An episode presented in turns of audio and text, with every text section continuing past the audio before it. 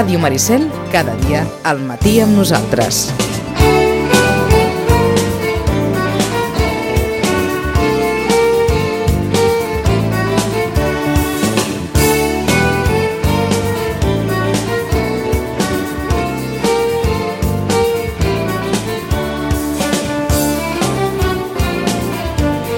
És 25 d'abril, Sant Marc, i avui fa anys de la batalla del Mansa.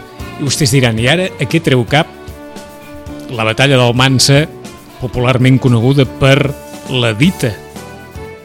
El mal que ve del Mansa tots el cansa. No ho sabem, si encara... En fi, si encara estem en... en... Deixem-ho. Chachi, Quasi no entro, eh? He entrat corrents. perquè estaves en un debat... Into... Sí, I- estan parlant d'una cosa d'aquelles... Bé, d'allò que es veu. Els he vist tots tres, un rere l'altre. Vull dir, els tres debats, eh, Televisió Espanyola, A3 Media i TV3, tots tres sencers. Com es nota aquest jove? Sí, bueno, jove o... Sí, home, Una persona tolerant. aquest tolerant. jove. No, no, és que es pot... tolerant es pot ser de jove i de gran, es pot ser tolerant. La tolerància va amb l'edat? Eh? Tu creus que la tolerància va amb l'edat? No, i doncs, la intolerància tampoc va amb l'edat, ni amb la classe social, ni amb res. També, Vaja. també. En, en fi. Intolerància també vindria amb lo del debat. Però vaja, no parlem de Però política. vaja, estàvem amb, allò de el mal que ve del Mansa, Sí. tots el cansa, perquè avui hem de parlar de la batalla del Mansa. La batalla del Mansa, 25 d'abril del 1707. Però n'hem de parlar per alguna raó, perquè ens derivaràs fins a la Moixeranga. Bueno, eh, al, al final... Eh, Al final avui anirem és, a avui, és, avui és una espècie de 11 de setembre valencià, podríem dir, no? Això és com en diuen, no? Com s'ha vingut... A vegades eh, s'ha- donat aquest qualificatiu, a mi no m'agrada comparar perquè les comparacions són odioses, però també podríem dir que l'11 de setembre és un 25 d'abril català. Uh, en tot cas, uh, aquesta dita, que ha fet molta fortuna, sobretot al País Valencià i a Catalunya també es diu moltíssim, que és aquesta de quan el mal ve del mansa. tots el cansa, és perquè allà, uh, segons la història eh, que s'explica i, i amb això de la història podríem entrar en molts debats, cosa que no farem, Primer, joves que ens escolteu, el Mansa a prop del Bacete. exacte.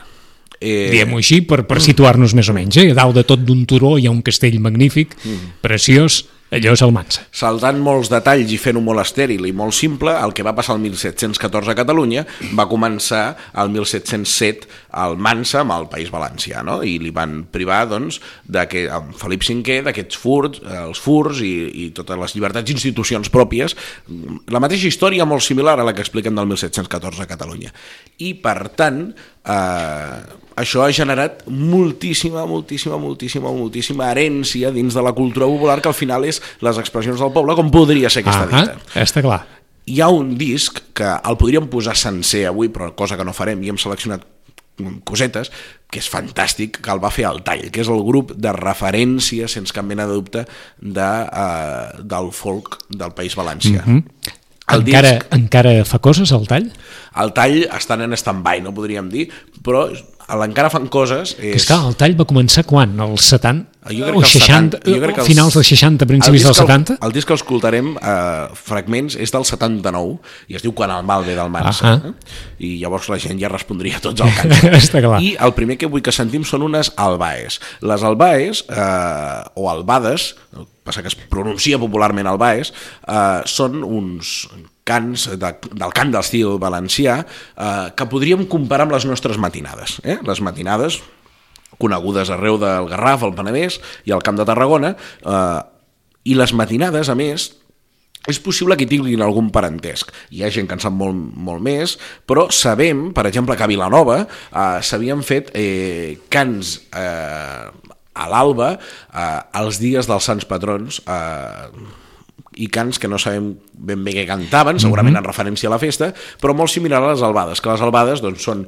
cant improvisat, eh, on, on hi ha un funcionament del que canta i el que versa, que li diu a l'orella, i ha, ha acompanyat de silenci, amb un eh, gran virtuosisme per part del que canta, o com a mínim eh, això així ha de ser, Sí, sí, sí. i a més el dolçaina i tabal que acompanya eh, entre vers i vers.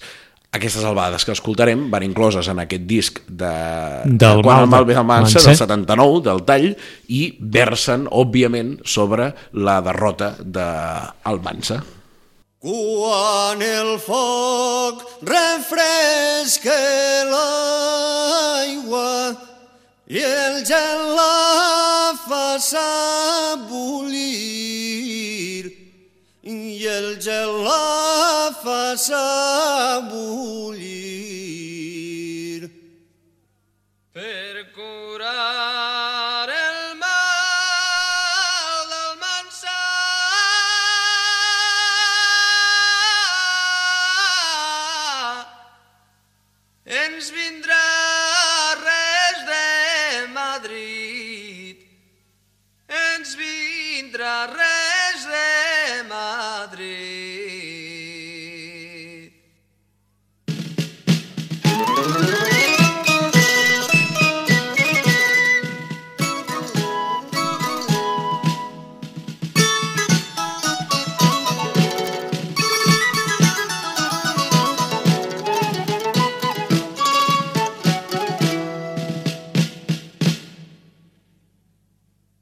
Fixa't, fixa't aquestes albades, no? aquestes albades que ens parlen de... de fan referència a la fita que ens vindrà des, de Madrid. Eh? Um, vam generar molta cultura popular.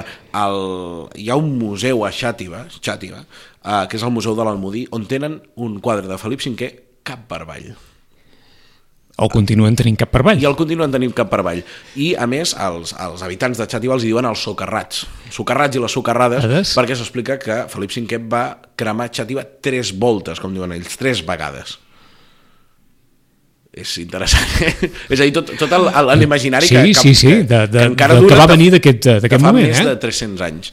Uh, sense cap mena de dubte, si hi ha una cançó avui que estem musical i la ràdio Sí. és la via perfecta per això, per uh, explicar el que és el País Valencià, jo crec que és la moixaranga, el, el toc que acompanya la moixaranga del Jamasí. Una cançó que és molt bonica, si aneu a les festes de la Mare Déu de la Salut del Jamasí, uh, uh, la podeu fins i tot uh, avorrir de lo bonica que és, uh, i jo avui us vull ensenyar una gravació que vaig fer jo, gairebé Ahà. d'amagat amb el mòbil, Ens apuntes, però, la moixaranga existia abans de la batalla del Mansa? em poses en, en, en, en un context complicat. És possible que el Ball de Valencians existís abans de la batalla Abans del de la batalla del Mansa. Abans d'aquest 1707, A Catalunya potser no, no a Catalunya, bueno, clar, clar, ara em fas una pregunta molt espinosa. És possible que existís, és possible que, que existís a més a la resta de l'estat perquè no, espanyol. eh? no hi ha una relació causa-efecte entre No. la batalla del Mansa i, la, i el naixement de la moixaranga. No, no, Vull però, creure que però, no. però sí que la moixaranga és, és, un, és un símbol potser de- d'un Està clar. d'un, eh, diguem-ne, nacionalisme valencià. O d'una resistència... Sí, d'una resistència cultural contra la cultura oficial. No, per això et dic que molt probablement hem d'entendre que abans la moixaranga ja tenia un paper mm. o ja tenia un protagonisme dins les tradicions populars, no? Sí. Vaja, és Ah. un parlar. Deies que havies enregistrat allò d'una forma gairebé, Mhm. no diria que furtiva, però quasi. Sí, uh, són uh, el conjunt Tresmall, uh, hi ha grans, grans, grans dolçainers aquí dins, sentireu una, una versió prodigiosa jo crec que és prodigiosa, de la moixaranga, amb, amb un domini eh, excepcional sobre l'instrument. A més, vull agrair que, que m'he posat en contacte amb els seus intèrprets per dir ei, aquesta gravació Sí, jo. la vaig fer jo, la, la puc posar a la ràdio? I molt amablement m'han dit que sí. Quan la vas fer? On va ser això? Això va ser el 2017, és Santa Tecla, a Tarragona, és la vigília de Santa Tecla en un sopar. Eh, les bars Santa Tecla són els músics que acompanyaven el, el ball de, de Tours i Cavallets, eh? Eh, i és dins del local de l'Esbart, eh, després de sopar doncs, Sí. es fa aquell ambient tan bonic no? on els músics treuen un instrument i interpreten aquesta versió que sentirem de la moixaranga. Vinga.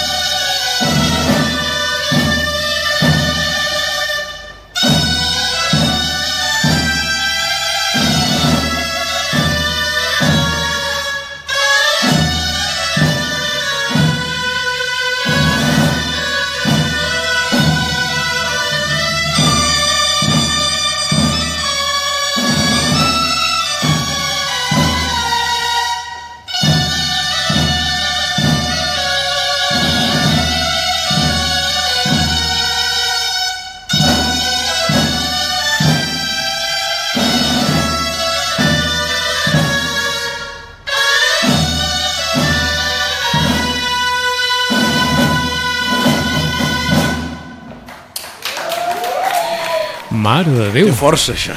té molta força. Deia que té un punt de set, eh, aquesta forma de tocar. Home, al final, uh, la moixaranga participa de les processons. Està clar, eh? Eh?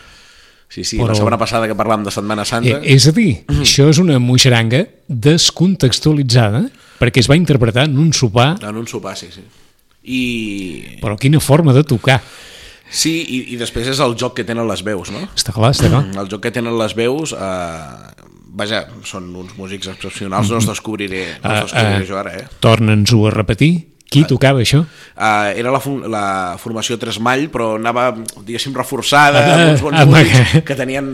És, és aquella màgia que té a vegades aquestes festes Sí, tan grans no, com Santa Tecla. això no es toca així com així, eh? No, no, no. no. No és allò de dir, eh, que això no, que això no és una boja o un correndillo, això. S'ha de dir que, òbviament, dins de la gent que estava en aquell sopar, jo els agraeixo molt perquè em van convidar a, a, a aquest sopar que era pels, pels balladors i la gent de l'Esbart, que són qui treuen els balls al carrer durant, durant el seguici de Santa Tecla a Tarragona, uh, i els agraeixo molt que m'haguessin convidat.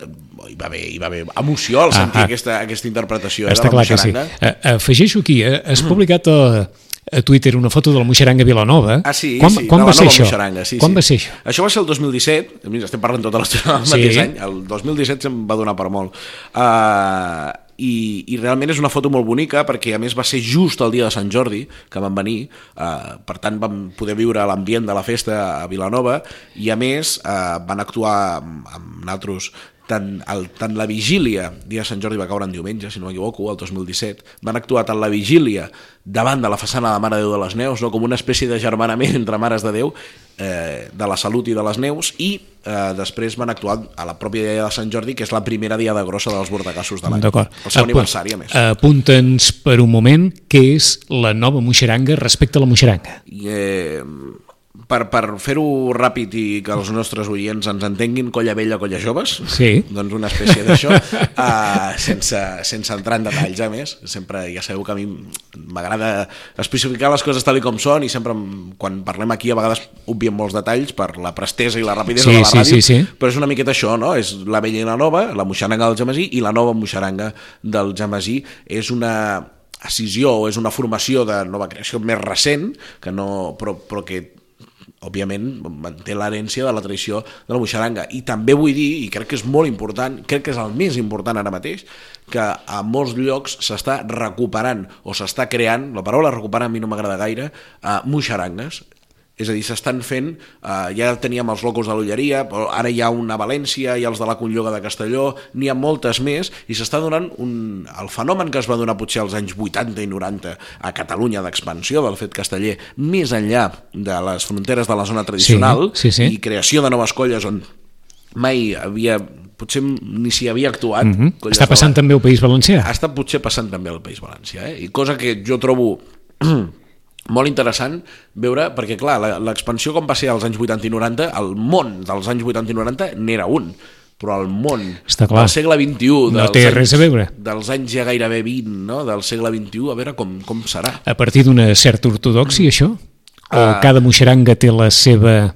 S'ha de, dir, de dir que cada moixeranga està tenint les seves particularitats, perquè, per exemple, eh, és un món complex en- del que jo no hi entenc gaire de les figures, les construccions que fan, uh, però sí que és cert que, a més, les actuacions no són de la manera tan ordenada, potser tan reglada que tenim aquí, aquestes regles sense, sense escriure, no?, que a vegades tenim, i, i d'altra banda el vestuari s'està sent una miqueta més mm, lleuger amb això i cadascú està tenint les seves particularitats no com eh, els castells que la faixa negra i els pantalons blancs van a missa eh? mai, millor, mai millor dit en aquest sentit està clar. uh, i el color de la camisa és, és el que determina no? doncs en el tema de l'expansió de les, de la, de les de moixerangues. les moixarangues doncs s'està donant s'està donant d'una altra manera cosa que jo crec que ara potser no és el moment però després amb més perspectiva es podrà, uh es podrà veure què ha passat aquí Per on seguim? hem de seguir per la malaguenya de Barxeta i per un dels meus eh, preferits, un dels meus estimats, que és el Pep Jimeno Botifarra. El Pep Jimeno Botifarra és, primer, un recuperador o, o un... O un o, o té la clau del tresor de la catedral del Camp València, eh? per dir-ho així, per donar-li un titular. El Pep Jimeno Botifarra ha fet una feina interessantíssima de memòria col·lectiva i després s'ha dedicat a cantar i jo el vaig conèixer ja fa molts anys, eh, quan potser no tenia l'èxit que, que té ara, o, o, o, que tenia una, una mena de... Com ha fet aquí en Jaume Arnella? És una espècie de Germà Arnella, sí, podria ser... A dir, de, Les de figures no persona són que equiparables, no són però equiparables, però en el sentit final de recuperar un patrimoni oral, etc etc. recuperar un patrimoni i recuperar una manera de cantar o, o, o, o divulgar una manera de cantar. Jo no crec que s'hagi perdut aquest cant d'estil valencià, però sí que és divulgar una manera de cantar. I, i, ha, i té, eh, entreu a Spotify i gaudiu, a més té una veu fantàstica, el que dèiem de la manera de cantar, hi ha un treball amb arabisme pel mig, eh, hi ha també un botifarra banda, no? acompanyat de banda de, de, de típica banda valenciana, Va- val molt la pena, tot, tot el que ha fet en Botifarra val molt la pena, mm, i va potser saltar a una fama més eh, mediàtica, per dir-ho així, en el món musical i l'escena valenciana, que sempre ha estat com molt consumida no, a Catalunya, col·laborant amb la malaguenya Barxeta d'Obrim Pas.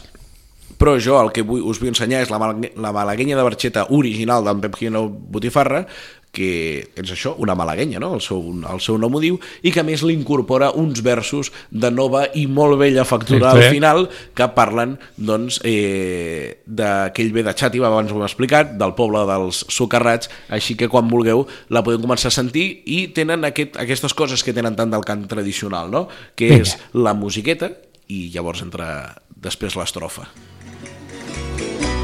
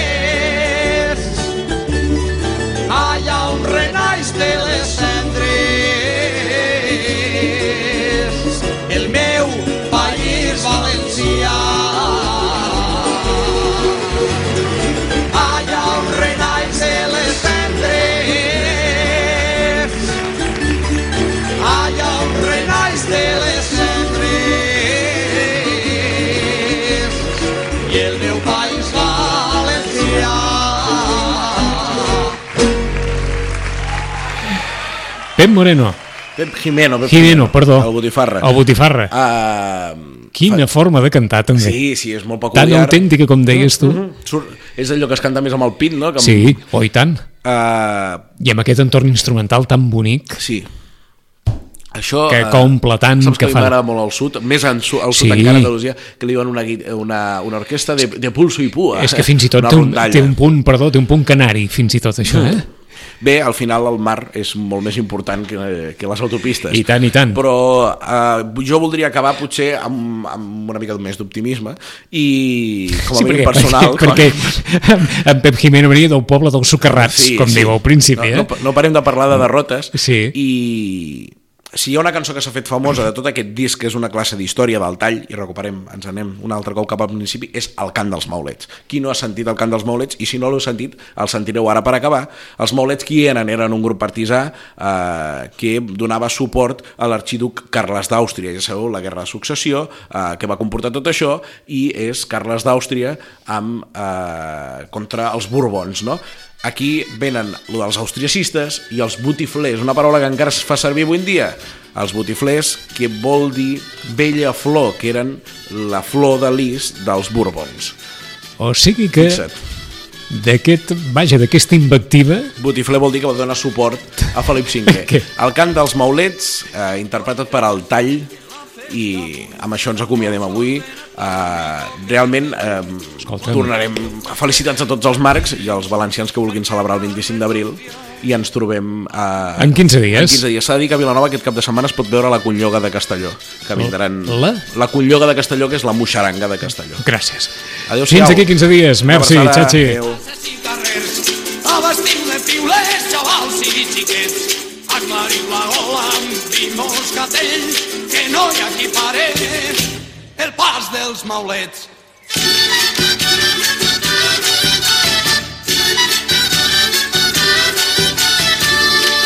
Vine Pilareta, que es pegui un saxó, els peixos en l'aigua i el famós al clot.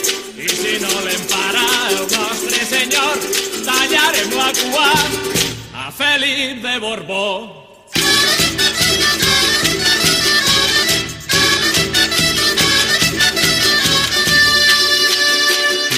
L'hora s'estira en mal dels maulets, vindran altres dies que bufe bon vent. Quan més curtes diguen, més perit tindran.